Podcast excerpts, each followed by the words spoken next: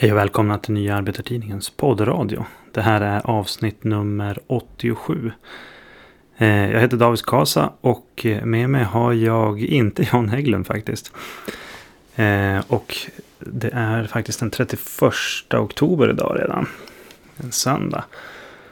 Och skälet till att vi är lite försenade det är helt enkelt det att vi försökte spela in här igår. Men det är den årstiden när det är så fruktansvärt torr luft inomhus. Och torr luft i kombination med Jannes torra slemhinnor. Det gör att det går typ inte att prata för honom. Så att eh, ja, han är tillbaka nästa vecka. Och eh, jag får köra det här lite grann på, på eh, fri hand. Det, det är ju så vi ska prata här om coronarestriktionerna. Om de slopades för tidigt.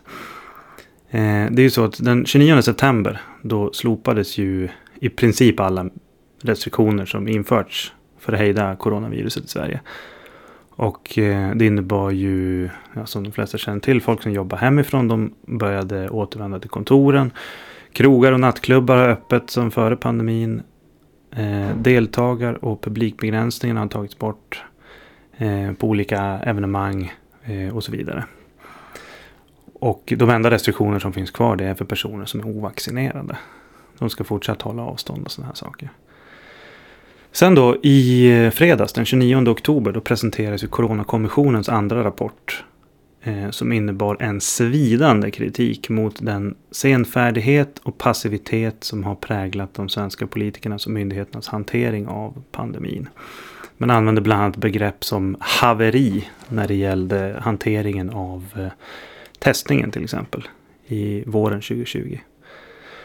Så att eh, det är liksom mot den bakgrunden som Eh, vi pratar här om, om eh, ifall restriktionerna har slopats för tidigt. Eh, men innan dess så tänkte jag eh, gå in lite grann på dödstalen. Det fanns ju eh, flera försvarare av Sveriges strategi mot corona som alltså på fullt och makabert allvar menade att eh, ge det bara lite tid. Därför sades ju, bör tilläggas, våren 2020.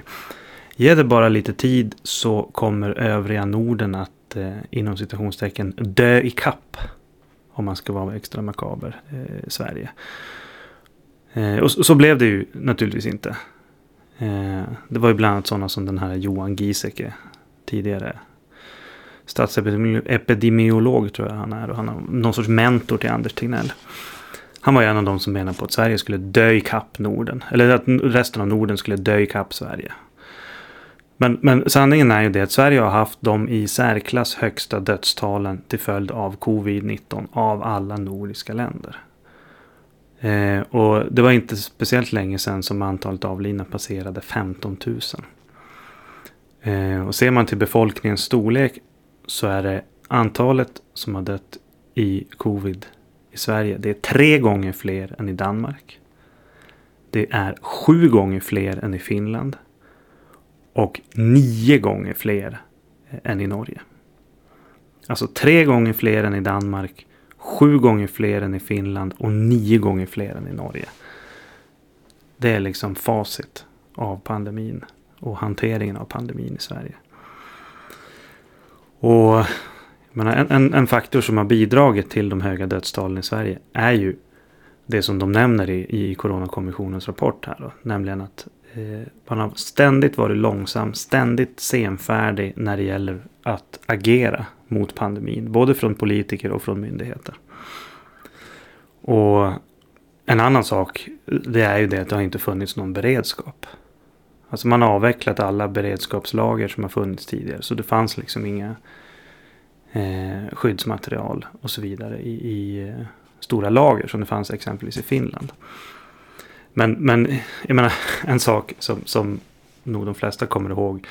Det är ju eh, vad som hände i juni, eh, alltså under våren 2020. Det var först i juni som eh, regeringen sköt till pengarna som krävdes för att inleda masstestning och smittspårning av coronaviruset. Och det var liksom nästan tre månader efter det att WHO, Världshälsoorganisationen, hade uppmanat alla länder att testa, testa, testa testa varje misstänkt fall. Det var ju det som var mantrat. Liksom. Testa, smittspåra, isolera. De som är är smittade. Då. Testa, smittspåra, isolera.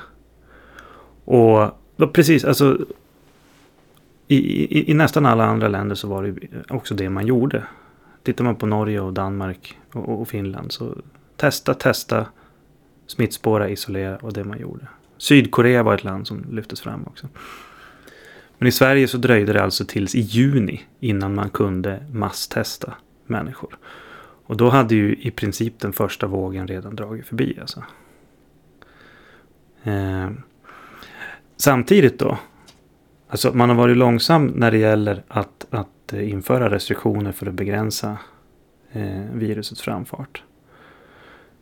Den andra sidan, det är ju det eller egentligen en, en sak till apropå varför det är så höga dödstal. Men en sak som kom fram, det var Ebba Busch Thor som avslöjade det.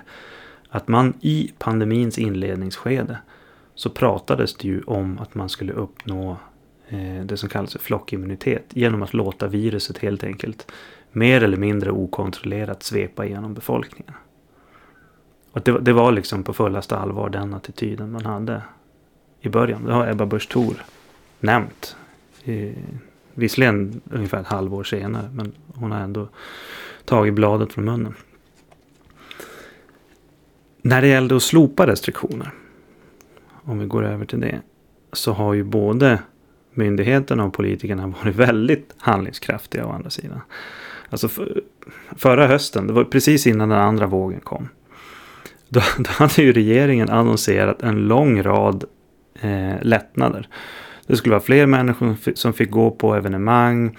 Man tog bort besöksförbudet inom äldreomsorgen. Det var, det var en rad sådana här eh, lättnader. Då. Och det här var, de, de hann ju inte ens eh, träda i kraft innan den andra vågen av pandemin slog till i oktober i fjol. 2020. Och helt plötsligt så, så vart det hårdare restriktioner än någonsin. Och, och, och det här var ju, alltså det var bara veckor efter att till och med Anders Tegnell, som under våren hade sagt att det blir en andra våg. Ja, då hade han ett par veckor tidigare sagt att ja, men Sverige kanske har en annan bild när det gäller virusets spridning. Och jag menar, nu återigen, va? alltså, nu har Sverige slopat nästan alla restriktioner. Samtidigt så är andelen fullvaccinerade i Sverige lägst i Norden. Och även bland den lägsta bland de, de eh, västeuropeiska länderna. Så, så om, vi, om vi går in på frågan om restriktionerna. Alltså, då är det så att den europeiska smittskyddsmyndigheten, eh, den heter ECDC, Europeiska smittskyddsmyndigheten. Den gjorde ett uttalande den 30 september i år. Där den kritiserade flera länder som hade slopat restriktionerna eh, för tidigt på grund av att de hade en för låg andel fullvaccinerade. Och eh, det är bara ett fåtal EU-länder enligt dem då som hade minst 75 procent av hela befolkningen fullvaccinerad. Det är fortfarande så nu en månad senare. Och eh, här är det viktigt att veta. Alltså, den europeiska smittskyddsmyndigheten den mäter andelen fullvaccinerade i hela befolkningen. Det, en skillnad då mellan det och de siffror som brukar publiceras i svenska tidningar och som Folkhälsomyndigheten har. Där de visar oftast bara procentandelen av den vuxna befolkningen som är vaccinerad. Alltså de som är 18 plus. Och det där är viktigt att, att, att känna till. För att den Europeiska smittskyddsmyndigheten de pratar hela tiden om fullvaccinerade i hela befolkningen. Men enskilda länder som till exempel Sverige kan ha ett annat sätt att, att, att räkna. Men man måste jämföra med vaccinerade i hela befolkningen. Och eh, tittar man i genomsnitt i EU i, i fredags, som är den senaste statistiken som finns, så var det 64,1 procent av hela befolkningen i EU som var vaccinerad. Sen är det väldigt stora skillnader mellan länderna. Så tittar man på ett land som Bulgarien, där är det nätt och jämnt 20 procent av befolkningen som är fullvaccinerad. Jag tror det är 21 eller någonting sånt. 21,6 procent. Medan i ett land som Portugal, där är andelen fullvaccinerade redan över 80 procent. Och så, så det, det, är väldigt stora skillnader mellan olika länder. Det är också en, går en skiljelinje mellan Västeuropa och östra Europa. När det gäller eh, andelen vaccinerade. Tittar man på Sverige då så, så är det uppenbart att vaccinationerna släpar efter. Och så har det varit nästan eh, ända sedan vaccinationerna började. Mer eller mindre. I, I skrivande stund så är andelen fullvaccinerade i Sverige ungefär 66,5 procent. Men jämfört med övriga Norden så är det den lägsta andelen fullvaccinerade sett i hela befolkningen. Till exempel i, i Danmark så är det 75,7 procent som är fullvaccinerade. Och eh, det land som ligger närmast Sverige, Finland, där är det 69,3 procent som är fullvaccinerade.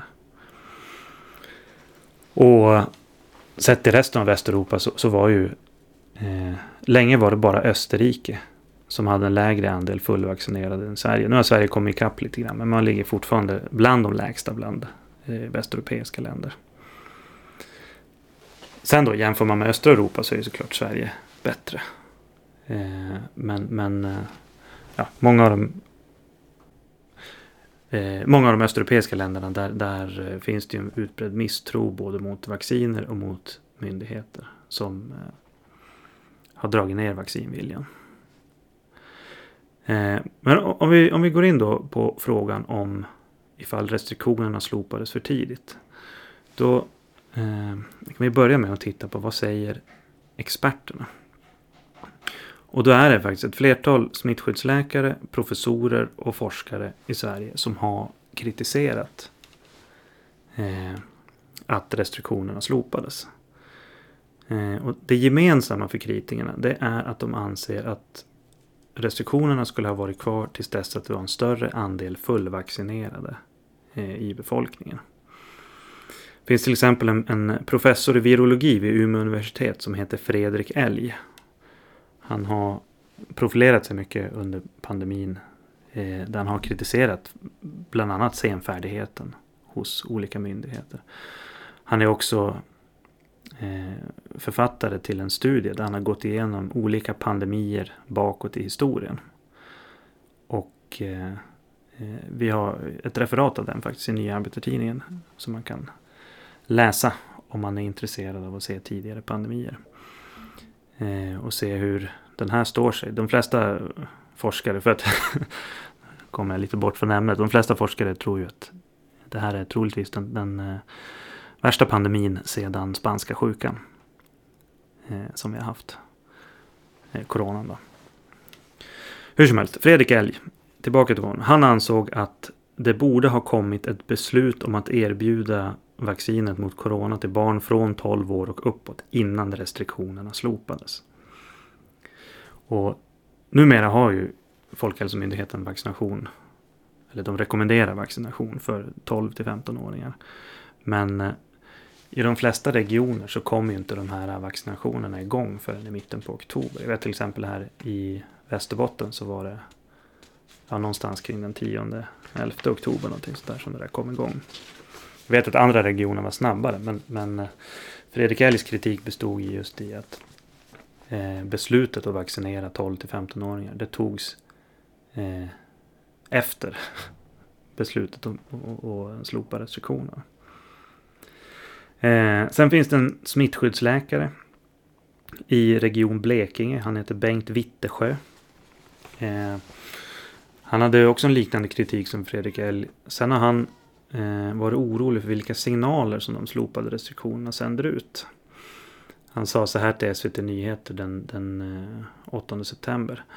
Eh, risken finns att man får uppfattningen om att pandemin är över, men vi har en ny topp att förvänta oss här i oktober. Jag är inte kritisk mot att man lättar i sig, men min personliga åsikt är att det hade varit bättre att vänta tills vi är eh, på andra sidan av den toppen. Eh, det var Bengt Wittesjö då, i Region Blekinge. Och eh, nu är det ju på flera håll där man ser att smittan sprider sig på äldreboenden. Och det är därför man har varit och, och skyndat på nu det här med en, en tredje spruta för vissa äldre just för att få upp skyddet för dem. Eh, men jag ska inte göra några större jämförelser med övriga Europa, men, men det kan tilläggas apropå vac vaccinationstakten. De flesta kritikerna de verkar tro, tycka det att det är vaccinations graden som avgör hur mycket restriktionerna ska slopas. Och de som kritiserar Sveriges slopade restriktioner de menar att man borde ha väntat tills andelen fullvaccinerade var högre. Och om man tittar på till exempel Danmark som var första landet i Norden och ett av de första i Europa att slopa eh, restriktionerna. De har bland den högsta vaccinationsgraden i hela EU och hela Europa. De ligger på 75,7 procent och de låg väldigt högt redan eh, när de slopade restriktionerna i eh, det var den 10 september. Och en bidragande faktor där är att de började ju vaccinera 12 till 15-åringar redan i juni. Medan i Sverige så kom den rekommendationen alltså först i september, tre månader senare. Apropå det här med senfärdighet och, och långsamma beslut. Eh, så ja, jag, jag ska börja, börja avrunda här. Det här. Men, men för egen del, jag menar jag är ingen virolog, ingen läkare eller expert på, på sådana här saker. Men, men den slutsats som, som är uppenbar när man läser vad olika experter säger, vad den europeiska smittskyddsmyndigheten säger, så är det att eh, restriktioner bör slopas när andelen fullvaccinerade är tillräckligt hög. Och de har nämnt andelen 75 procent. Ja, jag kan tycka att Sverige borde ha väntat med att slopa restriktionerna tills dess att vaccinationsgraden var på 75 procent av hela befolkningen. Och eh, sen är det också en sak som bör understrykas. Alltså, alla restriktioner togs ju faktiskt inte bort den 29 september. Folk som av olika skäl inte har vaccinerat sig. De ska fortsätta hålla avstånd till andra människor plus undvika kontakter med personer som är i riskgrupp eller som är 70 år och äldre. Sen bör det tilläggas. Alltså, kravet är att det är personer som av olika skäl själva har valt att inte vaccinera sig. Eller som helt enkelt vägrar att vaccinera sig. Eh, personer som av medicinska skäl har blivit rekommenderade att inte vaccinera sig. De är undantagna från de här restriktionerna. Så att är du ovaccinerad av medicinska skäl. Då gäller inte restriktionerna. Är du däremot ovaccinerad för att du själv av någon outgrundlig anledning har valt det. Då så eh, gäller restriktionerna.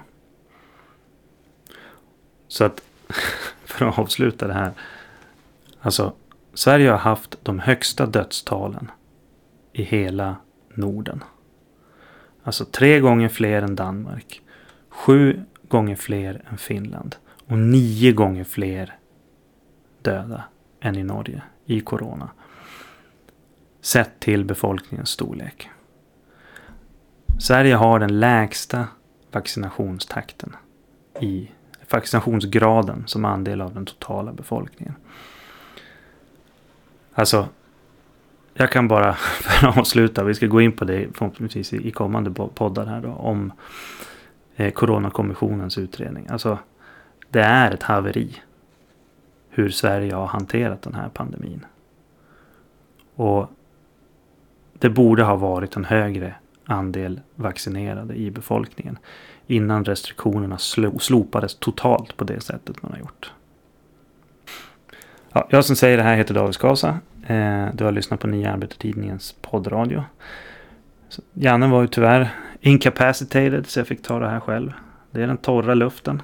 Och kom ihåg, det är den torra luften som eh, innebär att eh, trivs. Och det är därför de säger att eh, oktober, november, de här äh, höstmånaderna, det är då som det börjar sprida sig virusar igen inomhus. Så att har du inte vaccinerat dig mot coronan, ta sprutan, nummer ett och nummer två.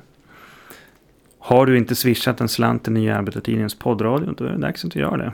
Varje litet bidrag eller stort bidrag uppskattas väldigt mycket. Eh, framförallt av Janne som tror att han kommer, kommer få någon form av arvoden eller bensinpengar någon gång i framtiden. Om 150 avsnitt eh, exakt. Vi får väl se hur det blir med det. Hur som helst, swishnumret det är 123 504 7105. 123 504 7105. Och som sagt, inget bidrag är för stort, inget bidrag är för litet. Så det är bara att swisha på, så hörs vi igen nästa vecka.